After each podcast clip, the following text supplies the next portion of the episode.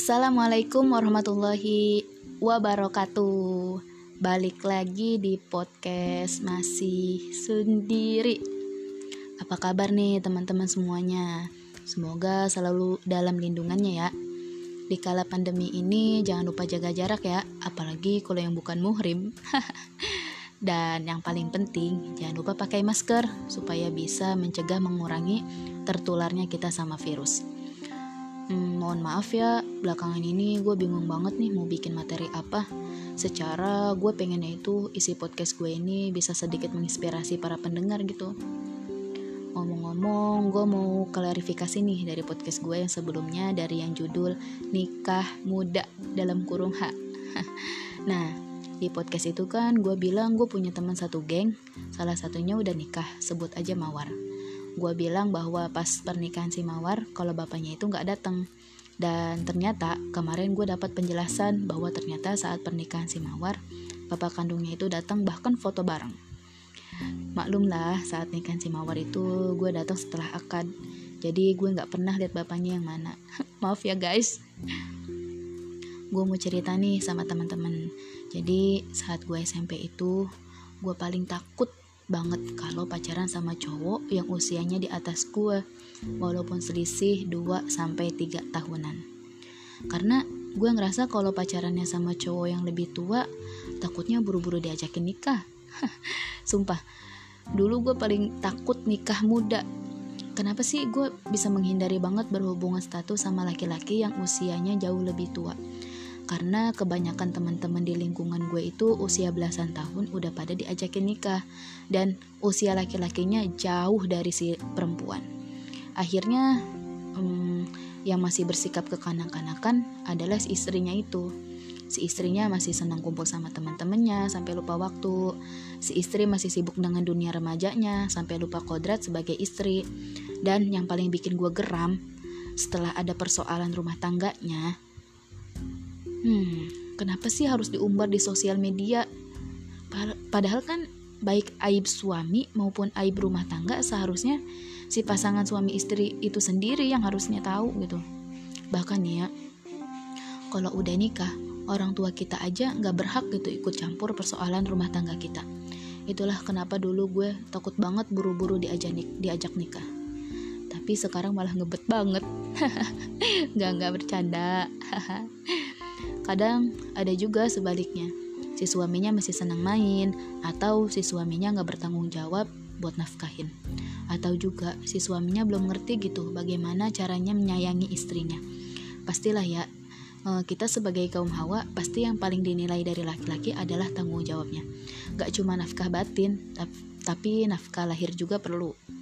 Banyak gak sih di tempat kalian kejadian yang gue contohin tadi di atas? Nah, dari situ gue berangan-angan gitu Kayaknya gue belum siap deh lulus sekolah nikah, apalagi cuma lulusan SMP. Nanti gak sempet balas jasa ibu bapak gue. Terus nanti gak bisa jadi ustazah dong.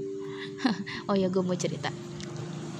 Jadi dari SD itu gue bercita-cita kalau gue udah besar nanti pengen jadi ustazah, hmm, pengen punya pesantren sendiri, terus hmm, pesantrennya itu buat orang-orang yang berkekurangan materi gitu. Maka dari itu gue takut semua mimpi-mimpi gue putus gitu gara-gara nikah dan gue itu paling ilfil kalau dibilang kalau ketemu orang nih ya wah udah gede ya kelas berapa sekarang? Lulus sekolah pasti nikah. Terus pacarnya orang mana? Aduh rasanya pengen pergi aja gitu kalau topik obrolannya kayak gitu.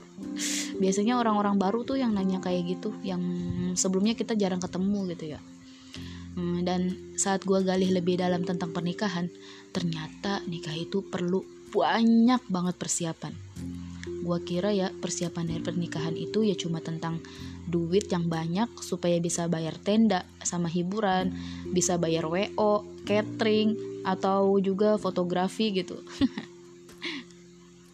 Dan gue kira persiapan itu kita siapin setelah kita menemukan calonnya. Ternyata enggak weh.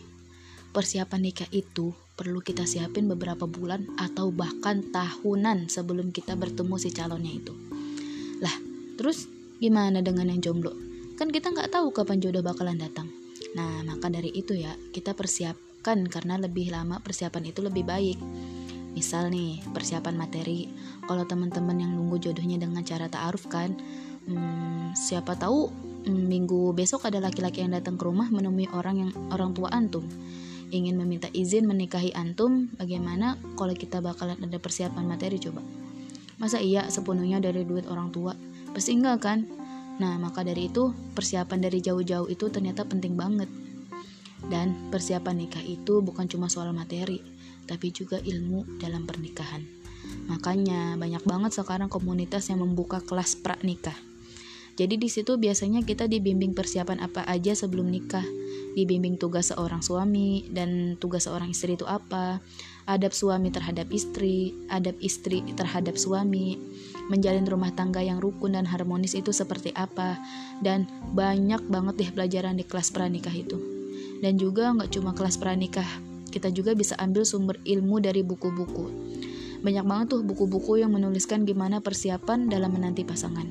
Terus buku-buku tentang hak-hak suami istri, tips agar pernikahan membawa berkah, risalah pernikahan. Hmm, pokoknya banyak deh sumber-sumbernya gitu. Dan biasanya dalam pernikahan itu semua karakter sesungguhnya pasangan kita bakalan terbuka di situ. Baik yang prosesnya ta'aruf ataupun yang pacaran mau kalian pacarannya selama apa pun, pasti deh kalian gak bakalan sepenuhnya tahu sifat asli pasangan kalian. Makanya saat pernikahan itu semuanya terbuka banget. Mungkin yang waktu pacarannya pasangannya kita romantis, lembut, dan penyayang, tapi setelah nikah malah sebaliknya. Itulah hebatnya pernikahan, saling menerima segala kekurangan dan menutupi aib pasangan. Sabar di dalam pernikahan itu ternyata dibutuhin banget. Sabar dalam menjaga lisan, sabar mencari nafkah, hmm, sabar membimbing anak, sabar melayani suami, sabar punya istri yang baperan, sabar punya mertua yang galak, atau sabar punya saudara ipar yang cuek mungkin ya, sabar nggak beli baju lebaran, sabar hari ini nggak makan, sabar tutupi keburukan rumah tangga, dan masih banyak banget sabar-sabar lainnya.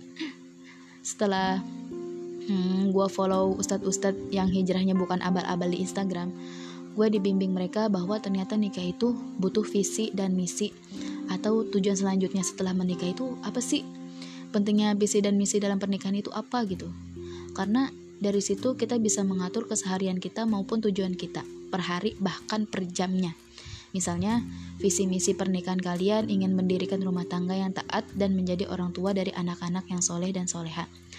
Anak-anak yang nantinya menjadi hafiz Quran. Nah, dari visi misi ini udah sedikit kebaca kan apa yang bakalan kita jalanin setelah pernikahan. Berarti penerapannya hmm, misalkan setiap sebelum tidur harus membaca surat Al-Mulk dan sehari harus bisa hafal satu surat dalam Al-Qur'an. Eh, setiap pagi mendengarkan ceramah atau setiap sore membaca zikir petang, satu hari satu juz membaca Al-Qur'an dan masih banyak lagi deh hmm, apa sih pencapaian visi misi kita itu. Jadi kenapa visi misi nikah itu perlu? biar setelah nikah itu gak gabut gitu supaya setelah nikah itu ada bucket list yang harus kita coret supaya sampai di usia pernikahan keberapa pun gak bosen. Atau mungkin yang visi misinya jadi pasangan yang suka naik gunung atau setelah nikah tuh keliling dunia buat taklukin gunung-gunung di dunia gitu. Jadi kan ada persiapan gitu. Oh berarti harus nabung nih buat naik gunungnya. Oh berarti harus sering olahraga nih biar kuat nanjatnya oh harus banyak makan buah dan sayur nih. Sama aja sih itu udah termasuk tujuan gitu dan gue kira visi misi itu cuma buat organisasi atau politik aja. Ternyata hidup sebelum menikah juga perlu visi misi. Visi misi itu janji terhadap terhadap diri kita sendiri. Pegangan jika kita lagi bingung harus ambil petunjuk yang mana. Dan visi misi gue di usia kepala dua ini meskipun gue nggak sehebat Sultan Muhammad Al-Fatih 1453 yang di usia 21 tahun mampu menaklukkan kota Konstantinopel tapi gue berkeinginan gue bisa jadi hafiz Quran dan pelajari tafsir tafsir Quran. Buat tabungan kalau udah jadi ibu nanti dan juga buat jadi amal soleh yang gak terputus. Buat ibu dan bapak gue di akhirat nanti. Dan juga doainnya gue mau buat usaha sendiri. Harapan gue semoga bisa membuka lapangan pekerjaan buat mereka-mereka yang sulit mencari pekerjaan. Panjang banget ya gue curhatnya. Um, makasih ya udah mau dengerin cerita gue selalu Semoga ada pelajaran diambil yang bisa bermanfaat juga buat kalian. Sampai ketemu di podcast berikutnya.